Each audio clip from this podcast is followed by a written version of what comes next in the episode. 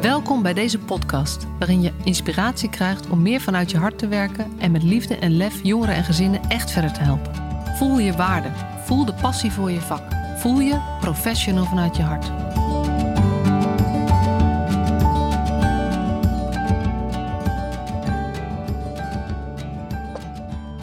Wat leuk dat je weer luistert, een nieuwe aflevering van de Professional vanuit je hart podcast.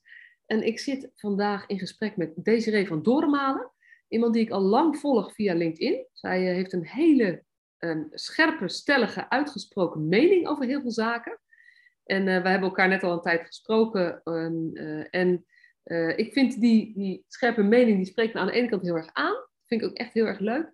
En aan de andere kant maakt het het soms ook lastig, omdat het er dan zo groot van wordt. En um, nou ja, die is nou ja, boos, verontwaardigd, verbaasd, verontrust. Uh, en noem nog maar een aantal bijvoeglijke naamwoorden erbij over um, hoe het systeem van de jeugdzorg in Nederland um, functioneert. En um, uh, nou ja, we hebben het net over gehad dat, het, dat we gaan proberen om de insteek zo te maken uh, dat we daar ruimte voor maken, maar ook van oké, en wat betekent dat voor jou als professional in de praktijk? Um, is steunraadslid in Maasluis. En een van mijn eerste vragen gaat zijn, wat is het verschil tussen een steunraadslid en een raadslid? Een raadslid die zit, de, die zit in de raadsvergaderingen en een steunraadslid is de ondersteuning en die doen heel vaak commissievergaderingen. Ah, en wat is een raadsvergadering en een commissievergadering? Een commissievergadering, een vergadering, dat gaat uh, uiteindelijk over zaken die later in de raad besproken worden. Oké, okay, dat zijn de voorbereidingen van de raadsvergadering. Ja, de inhoudelijke voorbereiding. Ja, je wordt als, uh, je wordt als steunraadslid overigens wel officieel beëdigd. Oké. Okay. Dus nou. het is een officiële functie uh, uh, waarvoor je beëdigd wordt en waar dus in dat kader natuurlijk ook allerlei restricties aan zitten. Ja, ja, ja precies. Dus, en ik ben, ik ben dat gaan doen omdat ik eigenlijk zie dat er ook in gemeenteraden, daar spreek ik over bijna allemaal, gewoon eigenlijk te weinig kennis is om de jeugdzorg goed op de rit te krijgen. Je ziet ze heel krampachtig uh, vasthouden hè, uh, aan bijvoorbeeld, uh, ja, het gaat niet goed, het wordt allemaal te duur. En dan gaan we het inkoopsysteem maar veranderen. Ja. Terwijl je uiteindelijk gewoon weet dat het veranderen van het inkoopsysteem maakt de zorg inhoudelijk nog steeds niet beter. En dat alleen, is waar jij voor gaat, hè? Ja, alleen om dat tussen de oren te krijgen, dat is toch wel een hele lastige. Want er wordt dan gezien dat het niet goed gaat. Uh, in de raad wordt er over gesproken. Er wordt dan een nieuw uh, rapport geïnitieerd. is bij ons in mijn sluis ook zo gegaan. toen zat ik nog niet in de raad. En ik heb toen al geschreven over dat rapport van ja, luister. Jullie kunnen dit wel gaan doen. Maar uiteindelijk gaat het niet goedkoper worden. En gaat het nog steeds niks doen aan de wachtlijsten. Want die wachtlijsten blijven even lang. En uiteindelijk zullen de aanbieders die erin stappen, die zullen belang hebben bij het leveren van heel veel lichte zorg, waardoor dat aanbod, hè, die vraag gewoon toeneemt en waardoor gewoon die gigantische winsten blijven bestaan. En wat mij ook heel erg stoort aan alle inkoopsystemen, is dat er wordt gewerkt met uh, onderaannemers. En die onderaannemers die mogen voor hun opdracht een fee berekenen. Die ligt ergens tussen de 6 en 10 procent. Nou, een hele slimme rekensom, een hele snelle rekensom. Uh, maar Sluis, Vlaardingen en Schiedam gaan nu uh, de zorg dus samen inkopen in dat uh, consortium. nou, stel dat daar voor alle drie de gemeentes met 40 onderaannemers werken. En die 40 onderaannemers die krijgen ieder één opdracht van 25.000 euro. En ze mogen daar 10% fee over berekenen. Nou, dan uh, is er al 100.000 euro, wat gewoon niet bij zorg aan het kind terechtkomt. Hoe kan dat? Waar zit dat? Waarom doe je dit? De zorg kan goedkoper. Iedereen schreeuwt om meer geld, maar meer geld is niet nodig. Je moet het anders inrichten. Hoppa. Dat is even al meteen je introductie als raadslid. En dit is waarom je erin. En dit, je bent ook uh, uh, als commissie steunraadslid. Richt je ook op zorg, jeugdzorg, breder dan jeugdzorg, ook WMO en dat soort van heel jeugdzorg, uh, onderwijs doe ik, uh, past onderwijs.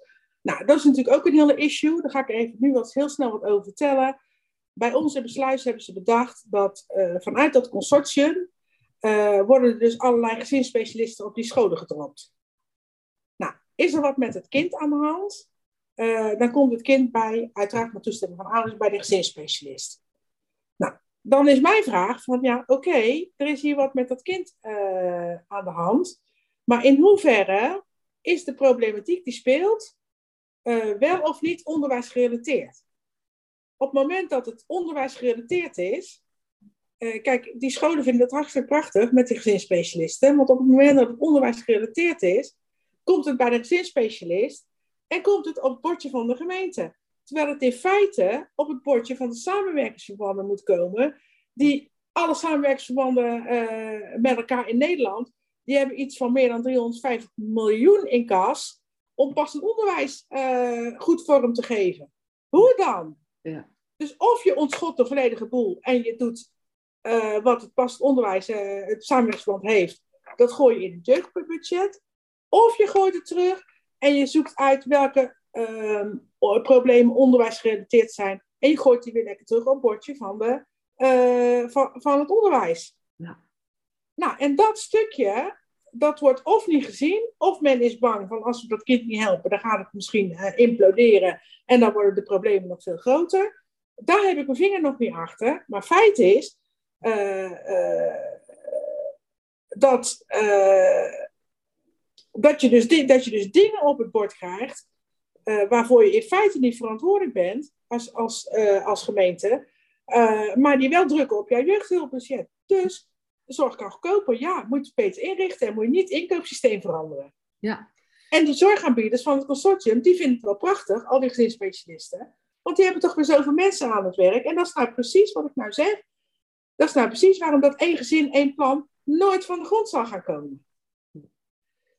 Kijk, dit is, dit is, al een mooi voorbeeld van jouw, jouw scherpte, jouw stelligheid, jouw doorzien. Want je vertelt nu eventjes over de gemeenteraad, dat, dat is de aanleiding. Maar je bent ook uh, bij de landelijke politiek zeg maar, in gesprek. Je hebt daar ook, ook uh, dingen over. Maar los van dit, ben je ook ouderbegeleider? Dus je begeleidt ouders die te maken hebben met, met jeugdzorg. En je hebt uh, in het verleden ook zelf als ouder ervaring gehad met het systeem.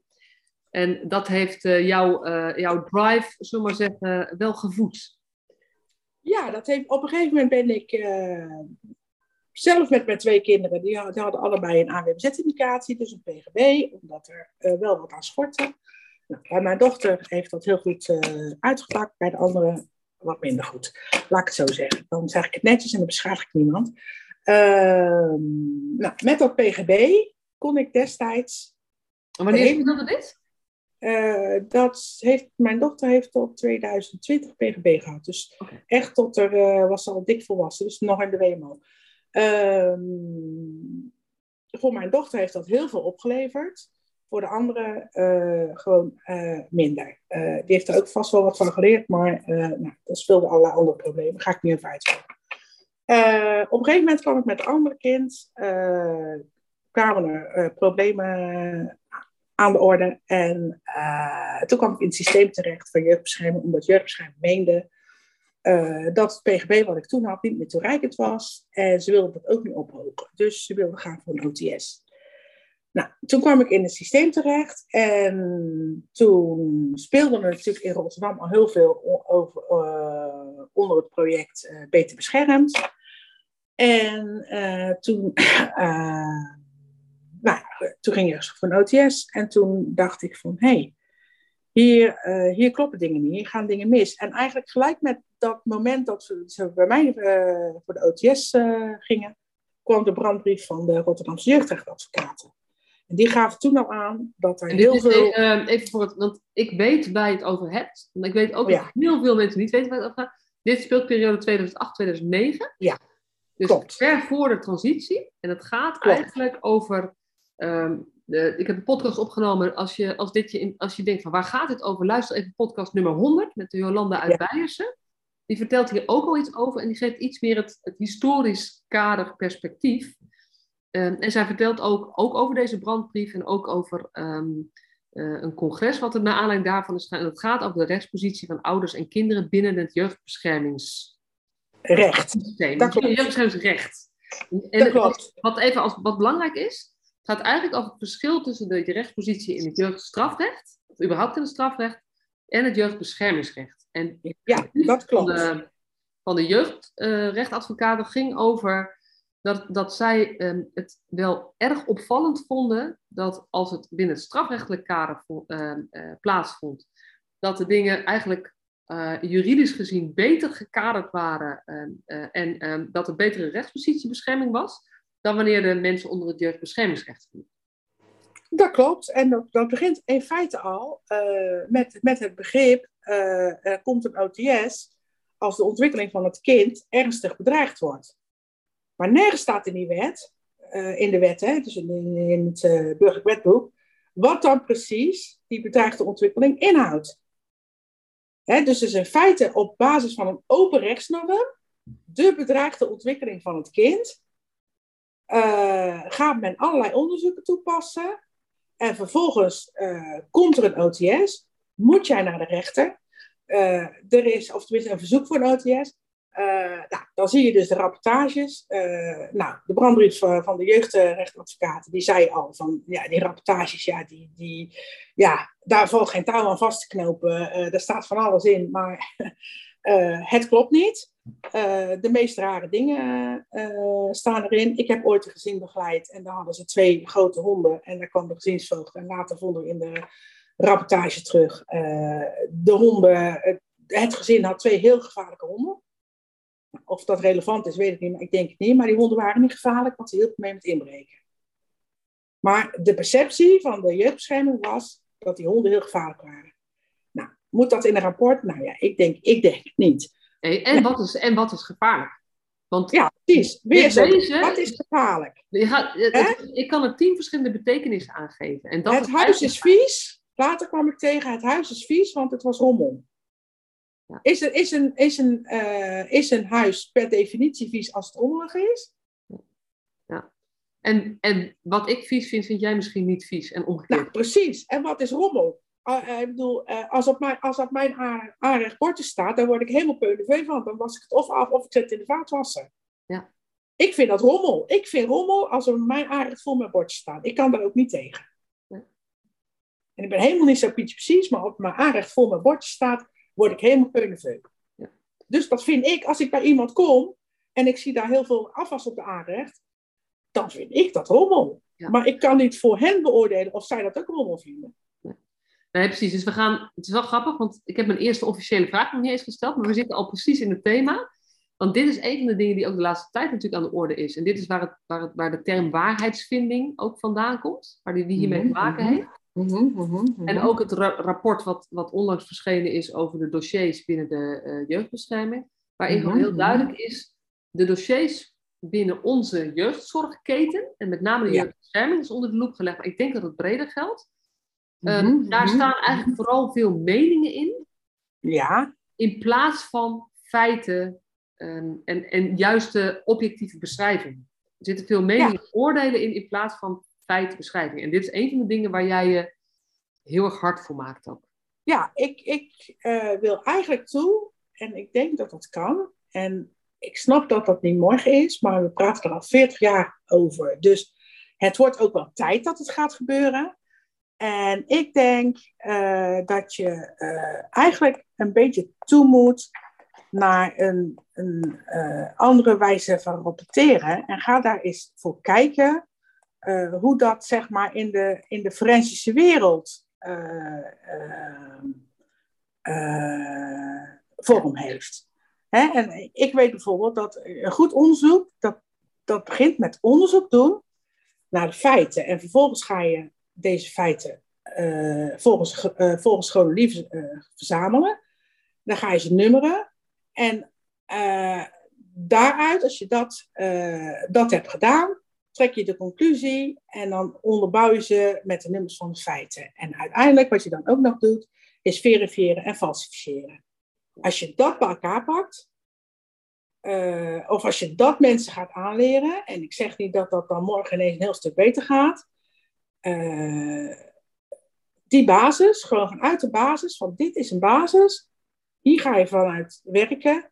Uh, nou, dan zie je denk ik vanzelf dat al die onzin uh, dingen wegblijven. Ik bedoel, waarom staat er in een rapportage dat het kind zonder sokken liep? Ik loop ook altijd zonder sokken, want ik vind sokken aan mijn voeten helemaal niet fijn. Ja. Ja, het, is, het kan wel een feit. Dit is dan wel een voorbeeld van een feit. Uh, ja, maar vraag dan waarom. Dus het, de, waarom loopt Jantje dan zonder sokken? Ja, ja. Nou ja, Jantje is autistisch en die kan niet tegen de draadjes die in de sokken zitten. Nou, dus daarom loopt hij op blootvoeten, daarom loopt hij zonder sokken. Uh, maar is, dat, is het feit dat Jantje zonder sokken loopt, om wat voor reden, reden dan ook, uh, is dat genoeg om zeg maar te komen tot het begrip bedreigde ontwikkeling? Ja, nee, ja, als ik zonder sokken loop, wil nog niet zeggen dat ik in mijn ontwikkeling bedreigd word. Nee, dus het gaat eigenlijk over um, uh, serieuzer kijken naar het onderscheid tussen feiten en meningen. Ja. Feiten eerst maar eens op een rijtje zetten, vervolgens die feiten wegen en inzichtelijk maken hoe je op grond van deze feiten tot een bepaald oordeel over een situatie komt. Ja, dat. En, dat... en nu zit het te veel door elkaar. En, en dat is wel even goed om te noemen dat. Um, dit gaat ook met name over de, uh, de jeugdbeschermingsketen, die natuurlijk juridisch is. Klopt. Maar het gaat ook al over het wijkteam. Want op het moment, op het moment dat jij bij binnenkomst bij het wijkteam, uh, jouw dossier wordt er aangelegd en de zaken worden niet goed opgesloten of opgeschreven. En er komt op een gegeven moment stond aan de knikker. Uh, omdat het wijkteam denkt van, nou ja, nou komt de veiligheid wel erg aan in het geding.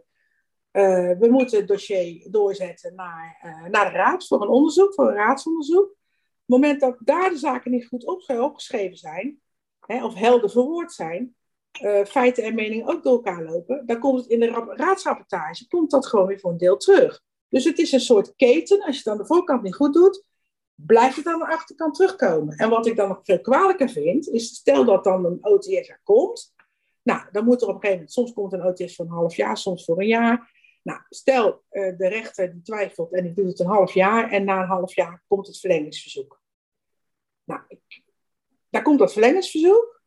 Uh, en op het moment dat dat verlengingsverzoek dan naar de rechtbank gaat, dan worden die oude feiten weer bovenaan als nieuw gepresenteerd. Terwijl je feitelijk moet beginnen van ja, toen was het dat. En nu uh, zien we uh, vooruitgang of uh, verslechtering. En nu zijn de feiten dit. Maar die oude feiten, ja, die, het heeft geen zin om die steeds weer opnieuw te presenteren. Nee, wat, wat eigenlijk, zoals ik jou goed begrijp, is um, de oude feiten worden een half jaar later gebruikt om opnieuw de beslissing te nemen. Terwijl het eigenlijk een nieuwe weging zou moeten zijn op grond van de situatie een half ja. jaar. Ja, precies. De nieuwe we op grond van hoe de situatie een half jaar geleden was en hoe de situatie nu is. Dat weegt tegen elkaar af.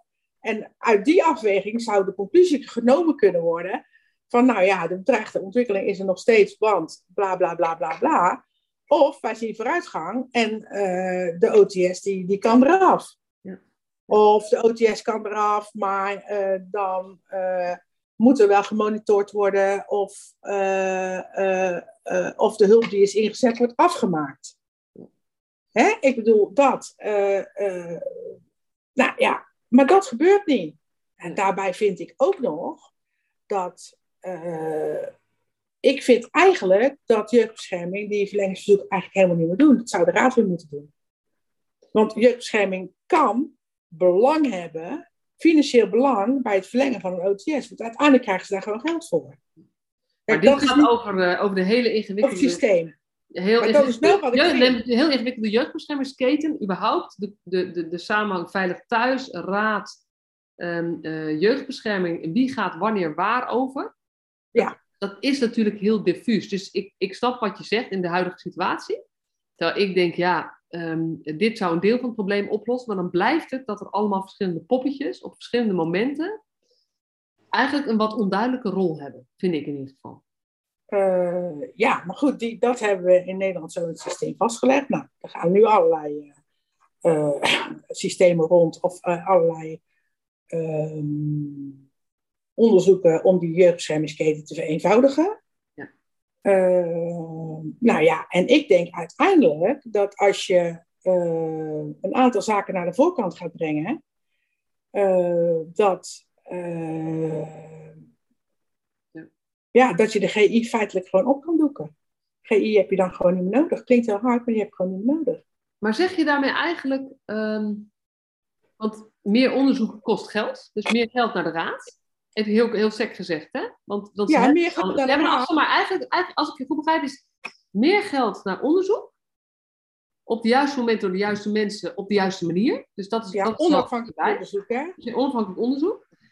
Um, maar als het vierkant niet verbreed wordt, betekent dat dus ook minder geld voor hulp. Want we hebben dan minder hulp nodig. Als jij je onderzoeken goed doet, als de onderzoeken goed uitgevoerd worden, echt professioneel, uh, dan denk ik uiteindelijk dat je uh, minder jeugdbeschermingsmaatregelen uh, krijgt. Ja. Dat denk ik wel. Dat kan niet anders. Ik bedoel, als ik, mijn, als ik een tandenborstel moet maken, heel simpel, een tandenborstel. En ik maak die, die tandenborstel vanaf het begin steeds beter. en de mensen poetsen goed met die borstel. dan krijg je uiteindelijk minder gaatjes. Als je naar tandarts gaat. Moet je wel tandarts gaan natuurlijk, hè? Dus als jij iets, een systeem beter onderhoudt, dan krijg je naar mijn idee uh, uh, minder, minder gedwongen maatregelen. Ja.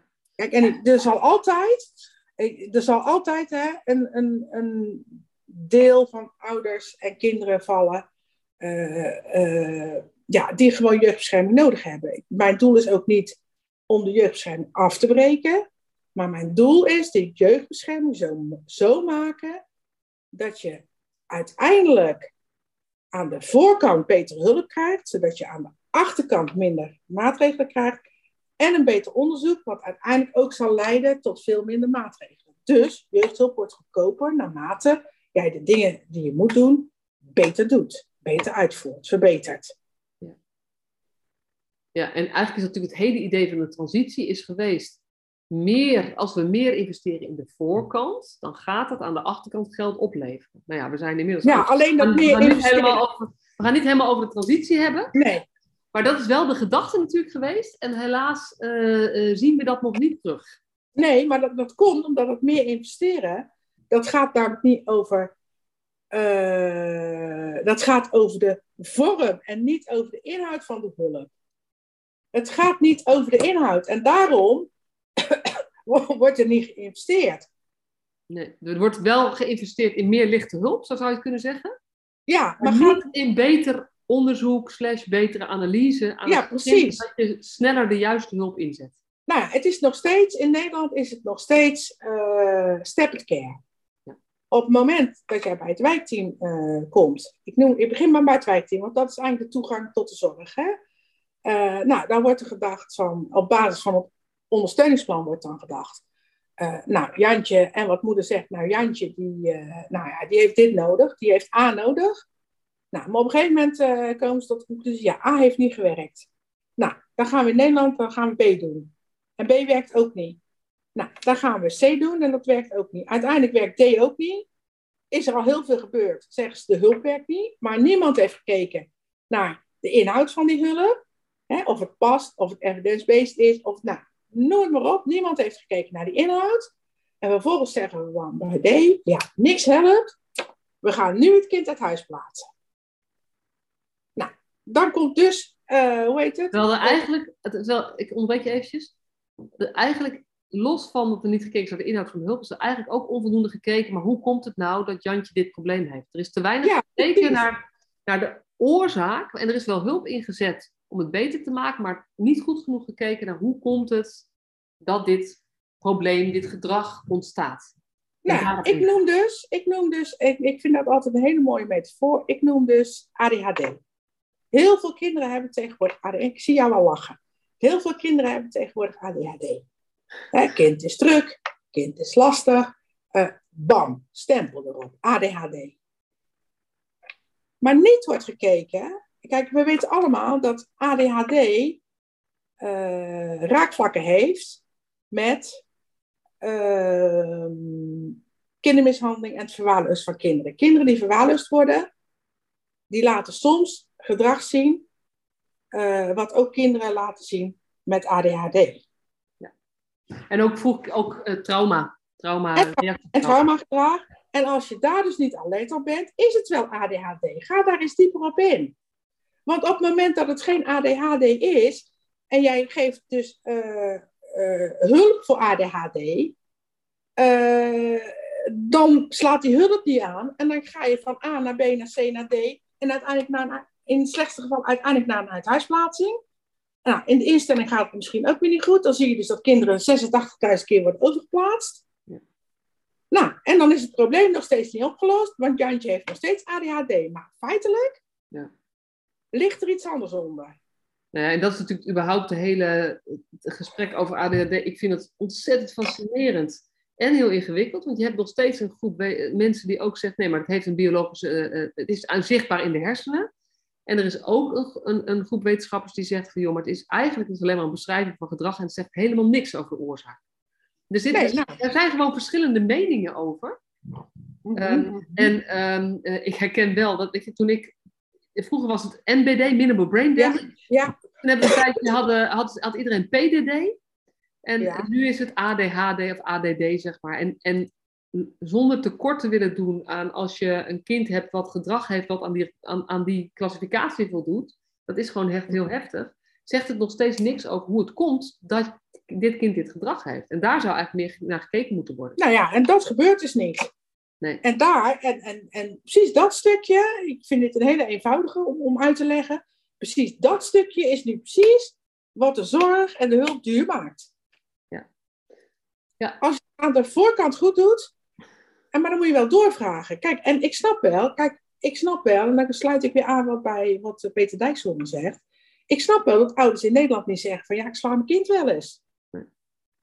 Want als jij je kind slaat, uh, dan gaan meteen alle toeters en bellen rinkelen. Terwijl je eigenlijk die, die ouders bij de hand moet pakken en moet vragen van hoe komt het nou dat jij je kind slaat? Ja, precies iedereen heeft daar meteen een oordeel over. En, ehm, Ja, ik bedoel, niemand wil in Nederland, uh, niemand gaat zeggen dat je kind slaat. Want als jij je kind slaat, zelfs de pedagogische mag niet meer. En dan vraag ik me wel eens af van, vroeger werd je, als je ging lopen en je kwam aan, aan, op de tafel aan spullen en er stonden warm dingen op, deze gewoon je handje tegen het buitenkant van, van het kopje. Kwam je er nooit meer aan. Maar hoe moet je nou een, een kind leren dat iets heet is of warm is en dat hij daar niet aan mag komen als je niks mag doen. En ik zeg, niet, ik zeg daarmee niet dat je gewoon een hele fluitketel met kokend water over die handen moet gooien. Ja. ja. Maar kinderen leren, mensen leren door te ervaren. Dus het is een, is een interessante. Maar goed, laten we, hebben genoeg te bespreken. Laten we deze even laten liggen. Want dit is ook weer een uh, thema op zich. Um, nee, maar goed, het hangt wel samen. Het, het, in Nederland is het gewoon uh, not done om toe te geven dat jij je kind wel slaat. Om wat voor reden dan ook. Ja. Hè? En, want, uh, als je op school zegt, om, weet je, of om uh, um, uh, bijvoorbeeld als je heftige relatieproblemen hebt. En of dat nou ja, zeg maar, dat. tot ruzies gaat, of, zeg, of dat het tot slaande ruzie gaat, of dat dat ijzige kilte is, die net zo mhm. beschadigend is voor kinderen, dat is ook een taboe. Ja, nou, dat. Waar we het over moeten hebben, is veel meer de impact. Het gedrag van het kind is een signaal van een, vrijwel altijd een dieper liggende iets wat aan de hand is in zijn of haar leven.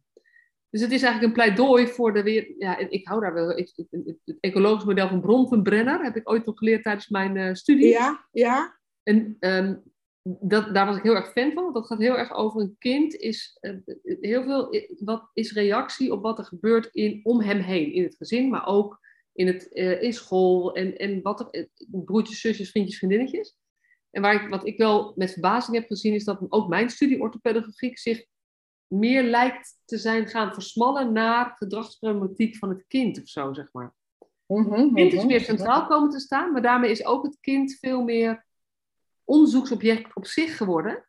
Terwijl ik denk dat, dat bijna alles heeft te maken met de context waarin um, uh, dit gedrag of deze situatie zich voordoet. Zonder dat je daarbij een schuldig hoeft aan te wijzen. Ja, nou ja, dat. Maar uh, omdat, omdat je dus in Nederland niet durft toe te geven dat je je kind wel eens, uh, wel eens slaat of uh, zonder brood naar school stuurt. Want ja, nee, daar komen allerlei, komen allerlei instanties zich met jou bemoeien. gaat het probleem ook nooit opgelost worden. Want als jij gewoon open aan ouders kan vragen van joh, waarom doe je dat nou? En wat heb jij van mij nodig? Om dit niet meer te doen of om dat te verminderen? Of uh, precies zoals Sander van Aram zegt, als je komt in een gezin met drugsverslaving uh, en je wil de kinderen uit huis uh, halen, kijk, soms moet dat, soms kan het gewoon niet anders. Maar dan zou je eerst moeten vragen aan die drugsverslaafden, wat heb jij nou nodig, zodat jouw kinderen niet uit huis geplaatst moeten worden? Ja. En dat zijn, gebeurt er maar er zijn ook wel hulpverleners die dit wel doen, volgens mij hoor. Is jouw indruk dat dit gewoon niet gebeurt? Nee, dat stukje wordt heel snel overgeslagen. En uh, René Clarijs die, die, die uh, beschrijft dat heel goed in zijn, in zijn uh, proefschrift, hè, de tyrannie van de jeugdzorg.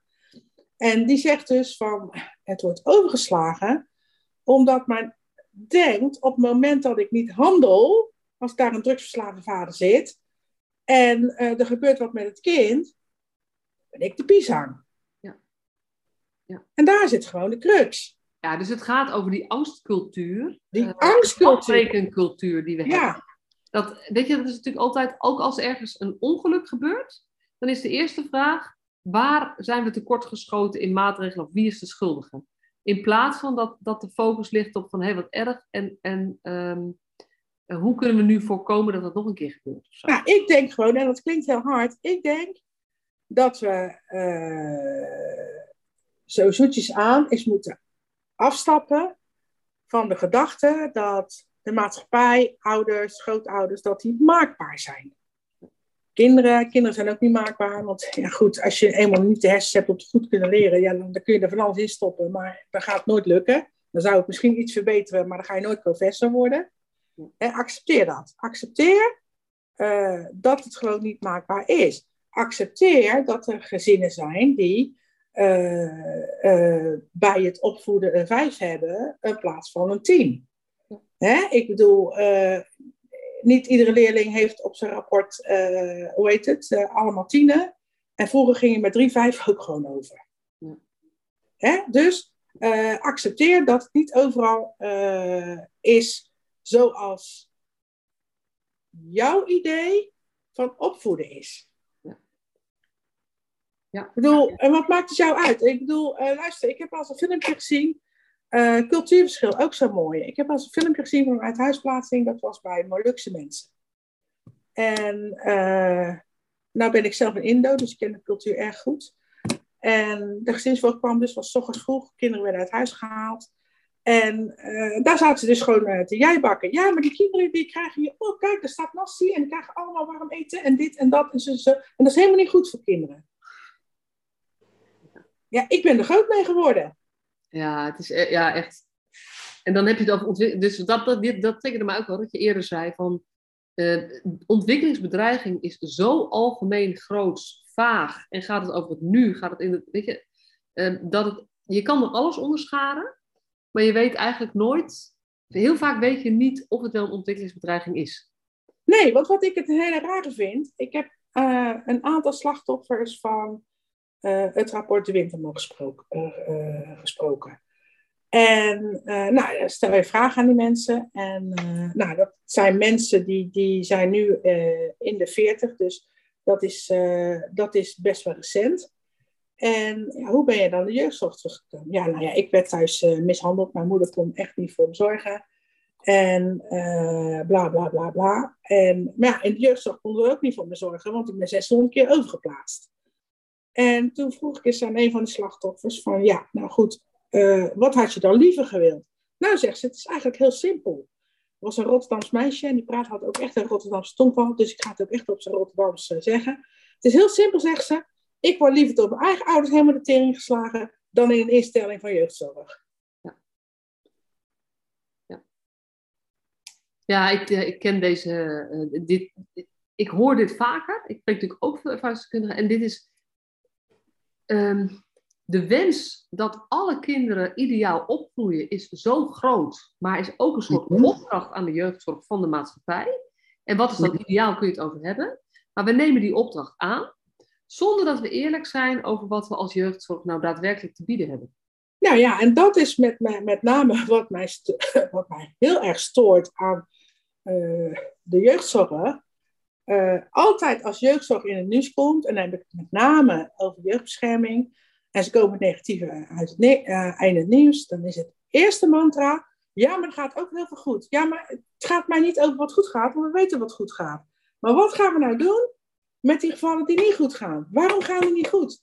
En het lijkt wel of dat uh, steeds maar weer opnieuw onder de mat geschoven moet worden, want er gaat ook veel goed.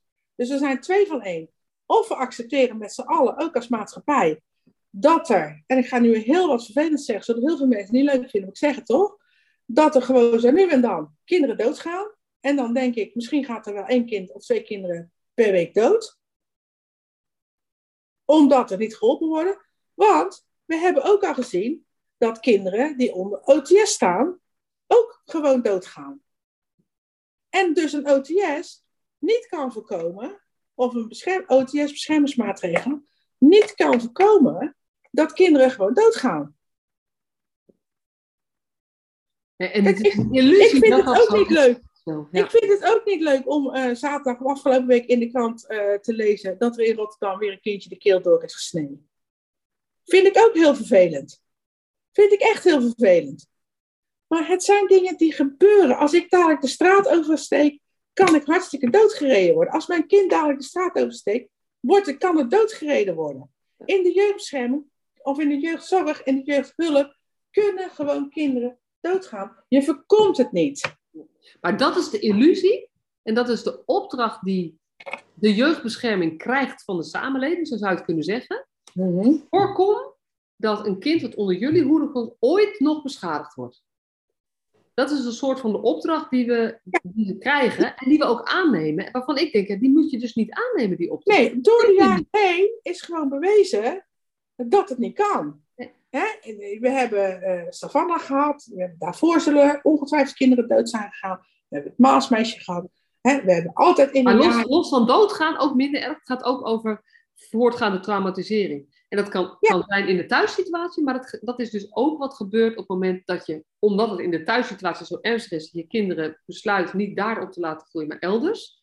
Dan is het ook mogelijk dat onder de uh, verantwoordelijkheid van de jeugdbescherming um, datzelfde gebeurt op een andere manier binnen een instelling of een gezin. Ja, dat, institutionele mishandeling. Het rapport De Winter en daarvoor het rapport Samson, die waren daar gewoon heel duidelijk uh, over. Ja. Dus wat maakt dat wij nou met z'n allen niet willen zien dat kinderen in instellingen ook niet altijd veilig zijn. Hè? En, dat, en, en, nog wat, op het moment dat jij, stel, Pietje wordt thuis mishandeld. Nou, hè, bla bla bla, alle toeters en, eh, en bellen die gaan, uh, gaan rinkelen, want Pietje wordt mishandeld. Vervolgens trekken we Pietje uit huis. Hè, we gaan, want Pietje, ja, nee, die kan toch echt niet meer thuis brengen, want dat is zo erg, die wordt mishandeld. Uh, we trekken Pietje uit huis. Nou, dan heeft Pietje het trauma van de mishandeling die hij thuis heeft opgelopen. Vervolgens wordt hij bij zijn tussen aanhalingstekens, en ik geloof het nog steeds, liefhebbende ouders uh, weggehaald. Want die ouders kunnen misschien wel niet anders dan mishandelen. Misschien hebben ze wel zelf wel een trauma. Uh, en vervolgens wordt hij in een instelling gedropt. Dus hij wordt weggehaald. En daar is een trauma. Vervolgens zit hij in de instelling, krijgt hij nog meer trauma's, omdat hij op een of andere manier niet begrepen wordt. Volgens mij is het zo dat je, uh, je mag als ouder je kind geen schade berokkenen. Maar de staat mag ook niet bewust kiezen voor meer schade te berokkenen aan een kind dan er al is berokkend. Hoe dan? Precies, en hier gaat het weer over, we grijpen in omdat de ontwikkeling van een kind ernstig bedreigd wordt. Dat is de reden voor een OTS. Daarom gaat mhm, de staat uh, en dat is inmiddels uh, is dat, uh, neergelegd bij de GI's. Um, heeft de verantwoordelijkheid om die ontwikkelingsbedreiging te stoppen. Maar door het, het, ingrijpen lost dat heel vaak niet op. Ja, maar nou Al komt willen we dat wel, maar dat gebeurt nou, niet. Nou komt hij. Dan is die OTS er en dan wordt het lachen. Hè? Want op het moment dat de OTS er is, dan heeft de GI vijf dagen om een jeugdbeschermer aan te wijzen. Nou, we weten allemaal, hebben we allemaal in de krant kunnen lezen, is geen leugen. Ja, die jeugdbeschermers zijn er gewoon niet binnen vijf dagen. Soms duurt het wel een half jaar voordat er een jeugdbeschermer is. Soms komt het weer op zitting en dan is er nog steeds geen jeugdbescherming eh, meer. Wordt dat kind dan nog steeds in zijn ontwikkeling bedreigd of niet? Want er is geen hulp, want er is geen jeugdbeschermer. Ah, en het wordt niet beschermd. en het wordt niet beschermd. Nou, stel, de jeugdbeschermer is er wel binnen vijf dagen. Nou, en de jeugdbeschermer, met al zijn goede intenties, want ik denk echt wel dat die er zijn, uh, die ziet dat het, dat het echt fout is met dat kind en uh, die wil passende hulp inzetten. Snel. Komt het kind op een wachtlijst, want de gemeente heeft geen, uh, geen, geen passende hulp voorhanden. Hoe dan? Het kind wordt in zijn ontwikkeling bedreigd. En nou, we vinden allemaal dat dat niet mag. Ja. Maar, maar, het gebeurt wel. En we staan het wel toe. Nou, dat dus. Hoe dan? Nou, dan is daar een oplossing voor. Want in principe zou de gezinsvoogd, hè, op het moment dat, er, uh, dat de gemeente geen passende hulp levert, zou de gezinsvoogd uh, moeten, gaan, moeten gaan procederen tegen de gemeente. Want het kind is in bedreigde ontwikkeling, die heeft acuut hulp nodig. Nou, en dan kom je dus bij de, bak, bij de makker van het systeem. Dat gaat de gezinsvoogd niet doen, want dat mogen ze niet van hun bestuurder. Want uiteindelijk is die GI weer afhankelijk van de subsidierelatie met de gemeente. Ja, ja hetzelfde geldt ook. Ik ken deze voorbeelden ook van jeugdbeschermers die met een, uh, met een uitvoeringsorganisatie in de clinch liggen over, over bepaalde afgegeven hulp die geleverd moet worden. Wat de organisatie niet kan leveren.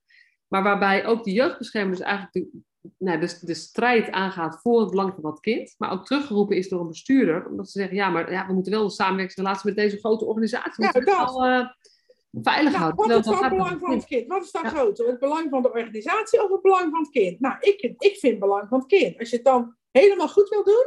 Ja, ja, en de andere kant is, voor dit ene kind is dat waar. Maar als de consequentie is dat vanwege de verstoorde samenwerkingsrelatie er uh, zeg maar zulke dingen gebeuren dat, dat er 50 andere kinderen die nu goed zitten, uh, daardoor in de knel komen.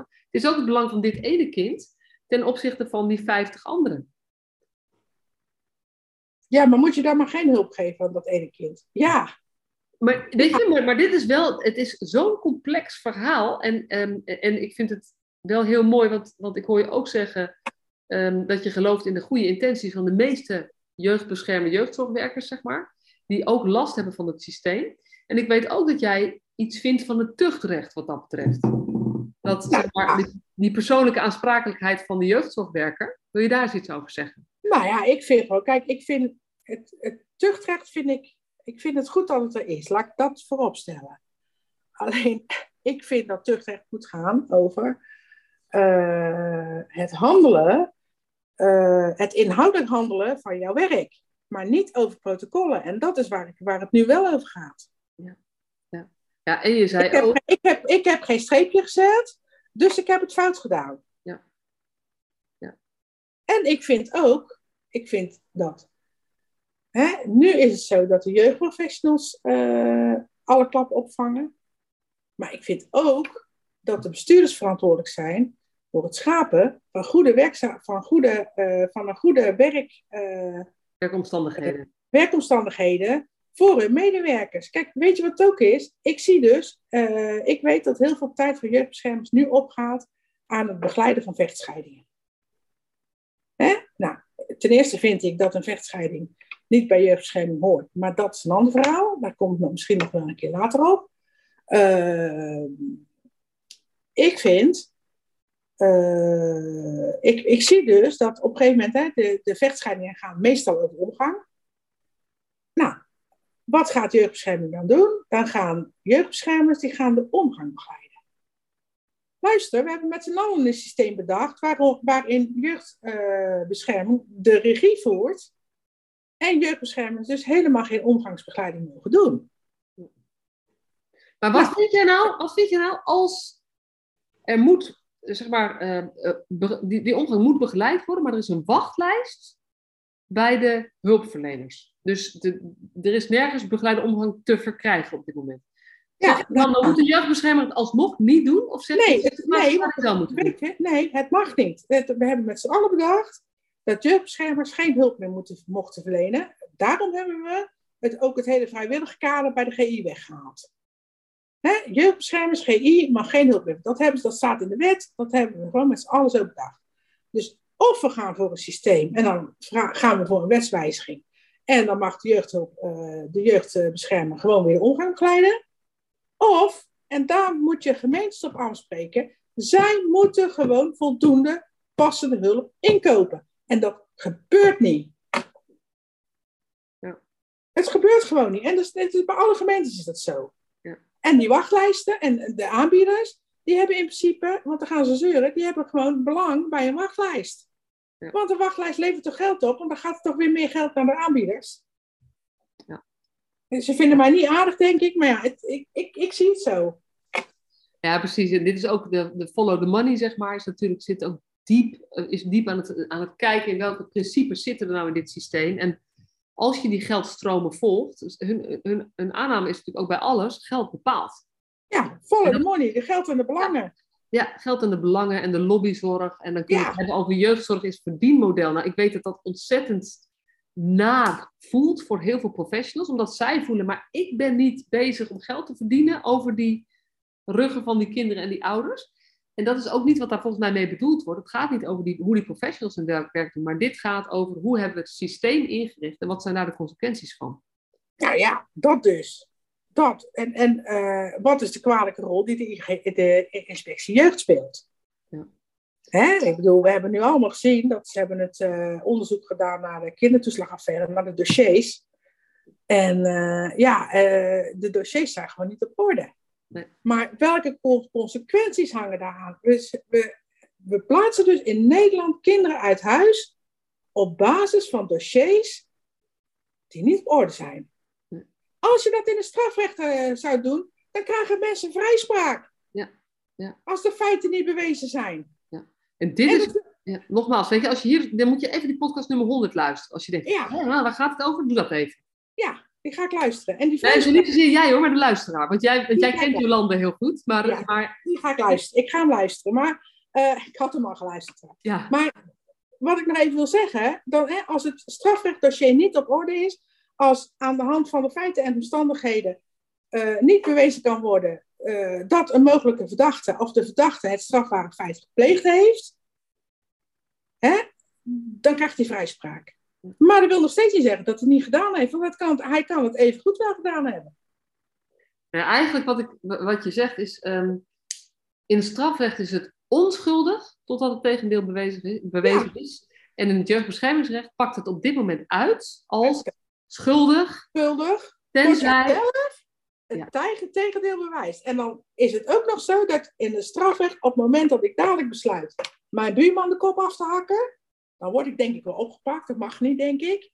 Eh, nou, zodra ik in de gevangenis kom, of ja, in het huis van bewaring, ik zal het netjes zeggen, dan, eh, hoe heet het, Eh, dan krijg ik een advocaat. Een vrije advocaatkeuze, hè? Dus als Pietje komt en die wil ik niet, en ik wil... eh, ik wil de beste advocaat van Nederland hebben, de beste strafrechtadvocaat, dan krijg ik die, als hij het wil doen. Nou, dan komt eh, de staat komt mijn huis op, eh, op mijn kind uit huis plaatsen, of een OTS. Nou, dan komen ze, dan moet je bij de raad, dat moet je allemaal alleen doen, hè? Want wat, ook, wat ik het kwalijke van het systeem ook vind, is dat op het moment dat jij in het systeem verzand raakt, er is niemand die jou wijst op het feit dat, eh, dat jij het recht hebt om een advocaat te nemen. Niemand die wijst jou daarop. Niemand, want de instanties vinden dat heel erg lastig. Die sturen jou lekker naar het AKJ. En ik heb verder geen oordeel eh, eh, over het AKJ, maar ik heb wel naar ervaringen met ze. Nou, ik heb verder geen oordeel, maar ik heb naar ervaringen. Ja, nou, en, en met zorgbelang heb ik nog minder, eh, nog meer nare ervaringen, want die proberen de relatie met de bestuurders goed te houden. Maar goed, maakt niet uit. Dan word je dus ge- ge- eh, gestuurd naar het AKJ. Het zou zo moeten zijn van mevrouw, u, eh, u zit nu in een procedure tegen de staat in feite, hè, want je, je moet naar de rechter tegen de staat. De, de, de, de kinderbescherming is de staat in Nederland. Ja, en de is ook een... Ja, die is daar een onderdeel van. Maar ja, bij een eerste OTS-verzoek is de GI in principe nog niet, eh, nog niet in beeld, want het wordt gedaan door de raad. Eh, nou, eh, vervolgens kom je daar en dan zou je dus feitelijk moeten zeggen van ja, mevrouw, u heeft, wellicht komt u in aanmerking voor gefinancierde rechtsbijstand, misschien heeft u een rechtsbijstandsverzekering, of misschien moet u het zelf betalen, maar u heeft in elk geval het recht om een advocaat op te zetten. Nee, ik maak zelfs mee, dan komen ouders met een advocaat bij een OTS-verzoek bij de raad. En, of bij de GI komen ze. En dan zegt de GI gewoon leuk, doodleuk van, de advocaat mag niet mee. Ik heb het meegemaakt, hè. Dus, en dan denk ik, ja, GI, dat kan niet. Kan een advocaat gewoon helemaal niet weigeren. Helemaal niet. Maar dit is dus eigenlijk kennisgebrek. Dit is, dit is, er zou meer juridische kennis, professionals zouden meer juridische kennis moeten hebben over de rechtspositie. Nee, helemaal niet. Dat kan niet. Wat, wat wel kan, en dat zie je vaak in die vechtscheidingen, dan komen ze met een cliëntondersteuner, want ze worden dan doorverwezen naar cliëntondersteuner. Maar dan krijg je dus, als een van de ouders niet wil dat de cliëntondersteuner van, uh, van moeder of van vader meekomt naar binnen, ja, dan mag het wel geweigerd worden. Want die cliëntondersteuner, die heeft nergens een beroepsgeheim, die valt nergens onder het tuchtrecht. Nou, dus dat mag wel. Maar norm, uh, idealiter zou zijn dat op het moment dat jij in een, uh, uh, in een traject komt voor een beschermingsmaatregel, ben ik van mening dat je net als zeg maar bij, nu in het strafrecht is dat sowieso geregeld, in, het, in de wetsverplichte zorg, hè, de GGZ, als je dus uit huis geplaatst wordt door de burgemeester, zeg maar, laat ik zo maar even zeggen, gedwongen maatregel, uh, krijg je gewoon een advocaat. Nou, ik vind dat kinderen en ouders die recht hebben, of die uh, in het systeem uh, belanden van de beschermingsmaatregel, gewoon keurig netjes, net als zo, zoals het in België geregeld is, een advocaat toegewezen moeten krijgen. Een gespecialiseerde advocaat. En op welk moment? Op het moment uh, dat jij het eerste gesprek met de raad hebt voor je raadsrapport. Dan kun je nog sturen. Ja, en dat is dus veilig thuis zit daarvoor nog? Ja, veilig, nou, kijk, ik vind veilig thuis is vrijwillig. Dat is veilig, veilig thuis kan, uh, zeg maar, die... Uh, kan nog het juridische stuk afwenden. Als je ja, daar kan, ja, gaat en hulp aanvaardt, dan hoeven ze niet naar de raad. En veilig thuis kan, als het niet goed gaat, kan dus uh, verzoeken. Ja. Uh, maar wat gebeurt er nu? Ze hebben dus vanuit dat nieuwe systeem, 2015, hebben ze dus gedacht van ja, we gaan een soort OTS light doen, de, de drangmaatregel. Maar die hele drangmaatregel, die vindt geen, geen enkele grondslag in de wet. En ik adviseer ook heel vaak ouders om gewoon niet naar de jeugdbeschermingstafel te gaan. Want wat ik vind, is op het moment dat je bij de jeugdbeschermingstafel komt en je, je, vertelt al je hele hebben en houden, nou, dan gaat dat naar de raad. Hè. Er wordt of beslist, we doen niks, of het gaat naar de raad. Maar op het moment dat de raad dan moet beslissen, omdat ze wel een uh, maatregel willen, hoe onafhankelijk kan de raad dan nog beslissen? Want je hebt daar toch al je hele hebben en houden zitten vertellen. Ja.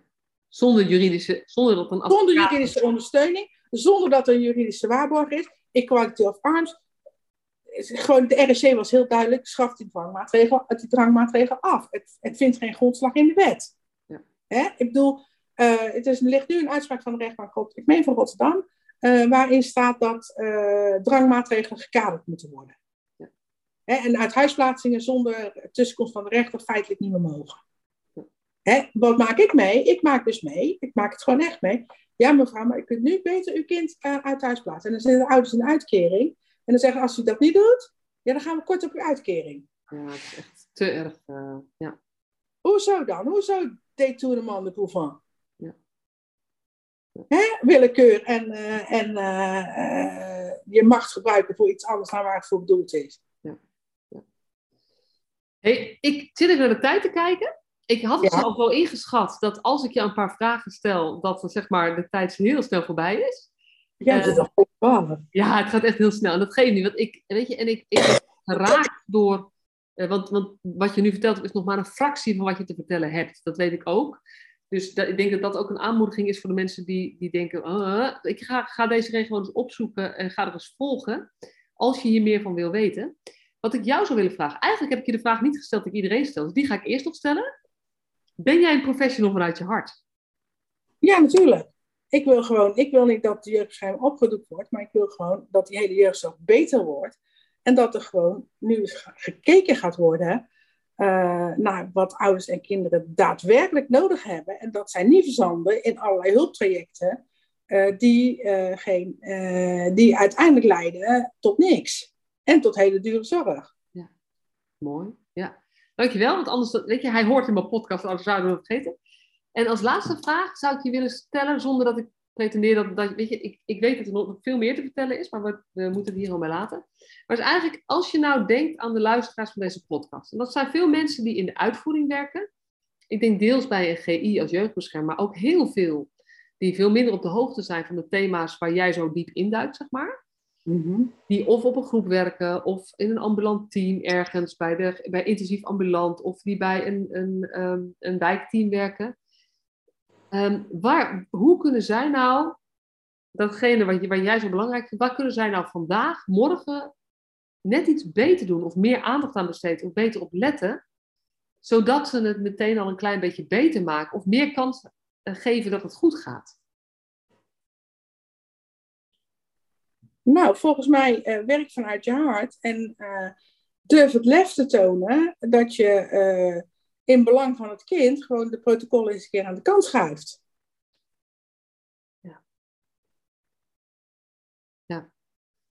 En dat is wel grappig, want aan de ene kant is het strakker de juridische kaders kennen en je daaraan houden. En aan de andere kant is het de protocollen een beetje aan de kant schuiven in het belang van het kind. Ja, maar eh, dat, dat kan samen, omdat als je betere juridische waarborging hebt, heb je ook, gewoon min, heb je ook minder maatregelen. En ben je als jeugdprofessional ook minder kwetsbaar in dat tuchtrechtstuk? Want dat, dat is ook iets wat, wat mij wel raakt, wat jou ook raakt. Zie. Ja, klopt. Dus Ja. als jij gewoon die, die kaders, die juridische, niet de protocollen, want die, die, die doen weinig dan alleen maar, eh, ja eigenlijk, die doen sowieso niks voor het kind. Laat, laat ik het daarop houden.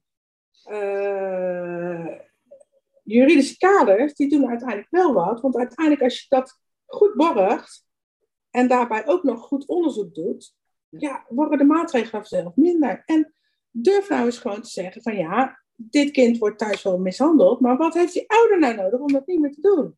Ja. En durf nou ook eens gewoon te zeggen van joh, eh, want wat er dan ook gebeurt, hè, is op het moment dat het kind uit huis geplaatst wordt, en dat vind ik nog veel storender, dan gaat het kind uit huis, want het wordt mishandeld, en vervolgens komt er dan een toetsing eh, voor, de, voor de OTS, eh, een nieuwe toetsing na een jaar, en dan wordt het doodleuk gezegd van ja, maar het kind kan eigenlijk nu niet meer terug, want het is nu gehecht aan het pleeggezin. Maar wie heeft dan die hechting aan het, eh, aan het eh, aan- onthechting aan de ouders op gang gebracht? Ja. Stop daarmee. Ja. Ja. Stop daarmee. Die, die, die, en bovendien, als een, ik ben van mening dat als een kind kan hechten aan een pleeggezin, kan het ook weer terug hechten aan de eigen biologische ouders. Ja. En ga daar nou eens mee aan de slag. Nou ja, bovendien is heel vaak als een kind uit huis geplaatst wordt, dan gaat de focus op de hulp van het, naar het, ki- van het kind. Dus dan gaat de focus van iedereen naar de situatie waar hij dan woont. En eigenlijk komt dan de thuissituatie waar de problemen mee samenhangen. Daar is gewoon weinig tijd, geld, aandacht voor. Nou ja, het is gewoon heel simpel. weinig. Op het moment dat ouders om wat voor reden dan ook hun kind mishandelen. En jij probeert er niet achter te komen waarom dat ze het doen. En het kind gaat terug. Dan is er gewoon een hele grote kans dat ze het weer doen.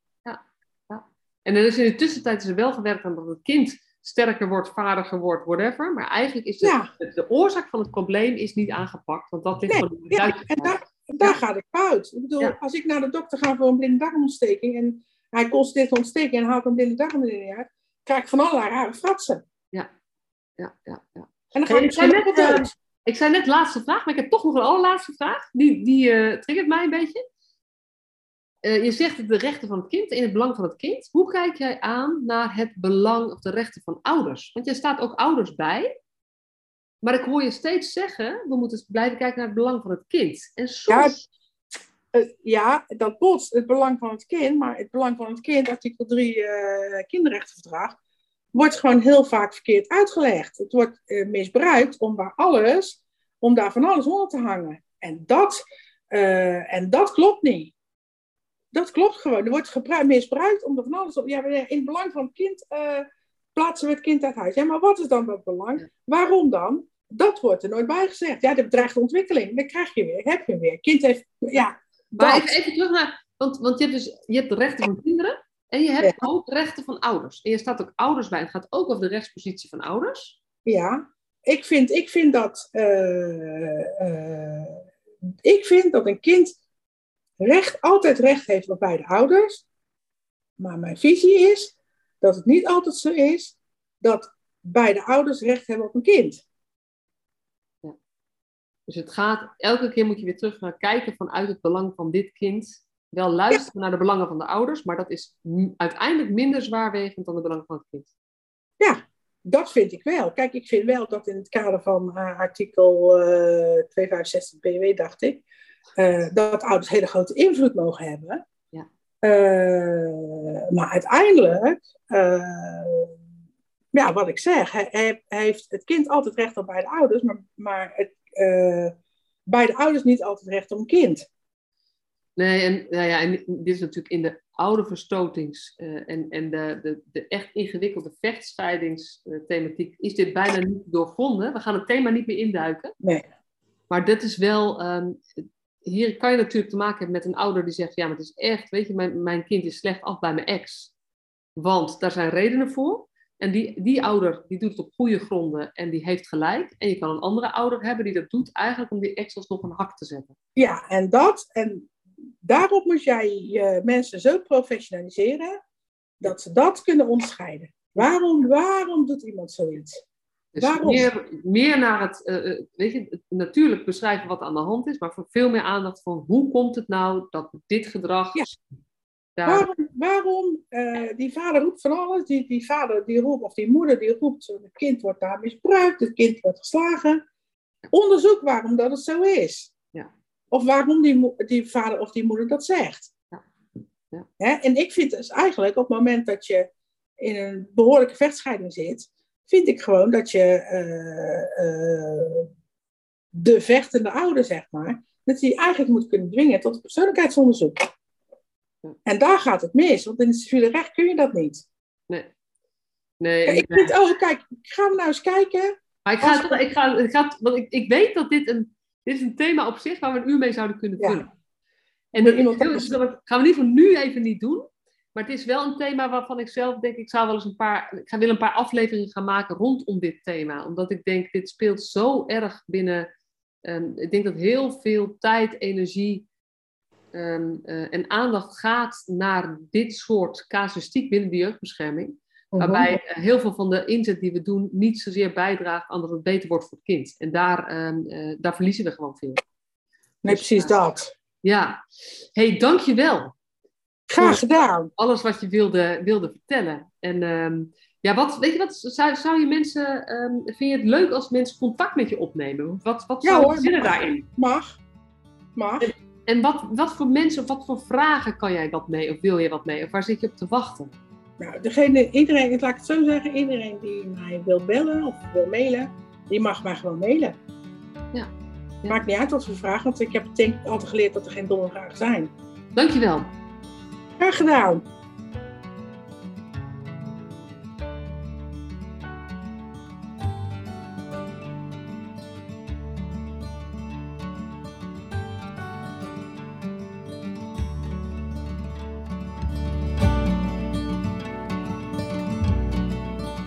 Superleuk dat je weer luisterde naar deze podcast. Dankjewel. Nog even kort een paar belangrijke dingen. Ten eerste, het is mijn missie dat de jeugdhulp weer een sector wordt waarin bevlogen, liefdevolle professionals jongeren en gezinnen echt verder helpen. Daarom maak ik deze podcast voor jou. Wil jij deel uitmaken van deze beweging van Professional vanuit je hart, waarin professionals elkaar steeds opnieuw inspireren? Begin dan met het lezen van mijn boek. Je kunt de eerste hoofdstukken helemaal gratis lezen. Ga naar professionalvanuitjehart.nl slash boek. Ten tweede, wil je alle podcastafleveringen overzichtelijk onder elkaar? Abonneer je dan op deze podcast. Klik in je podcast-app op de button subscribe of abonneren. En elke keer als er een nieuwe podcastaflevering gepubliceerd wordt, ontvang je automatisch een berichtje. Ten derde, ondersteun je mijn missie? Geef me dan een review via je podcast-app, bijvoorbeeld iTunes of Spotify. Op die manier kan ik nog meer professionals bereiken. En ken je een collega voor wie deze podcast ook interessant is? Dan zou het super zijn als je hem of haar de podcastaflevering doorstuurt. Bijvoorbeeld door de link te kopiëren via Spotify. Ik vind het altijd heel leuk om berichtjes te ontvangen van luisteraars om te horen wat je van een podcast vindt, of als je misschien vragen of suggesties hebt. Of als een aflevering je een bepaald inzicht heeft gegeven of er iets in beweging is gekomen. Stuur me dan even een berichtje op masha.professionalvanuitjehart.nl via de website of stuur me een connectieverzoek op LinkedIn.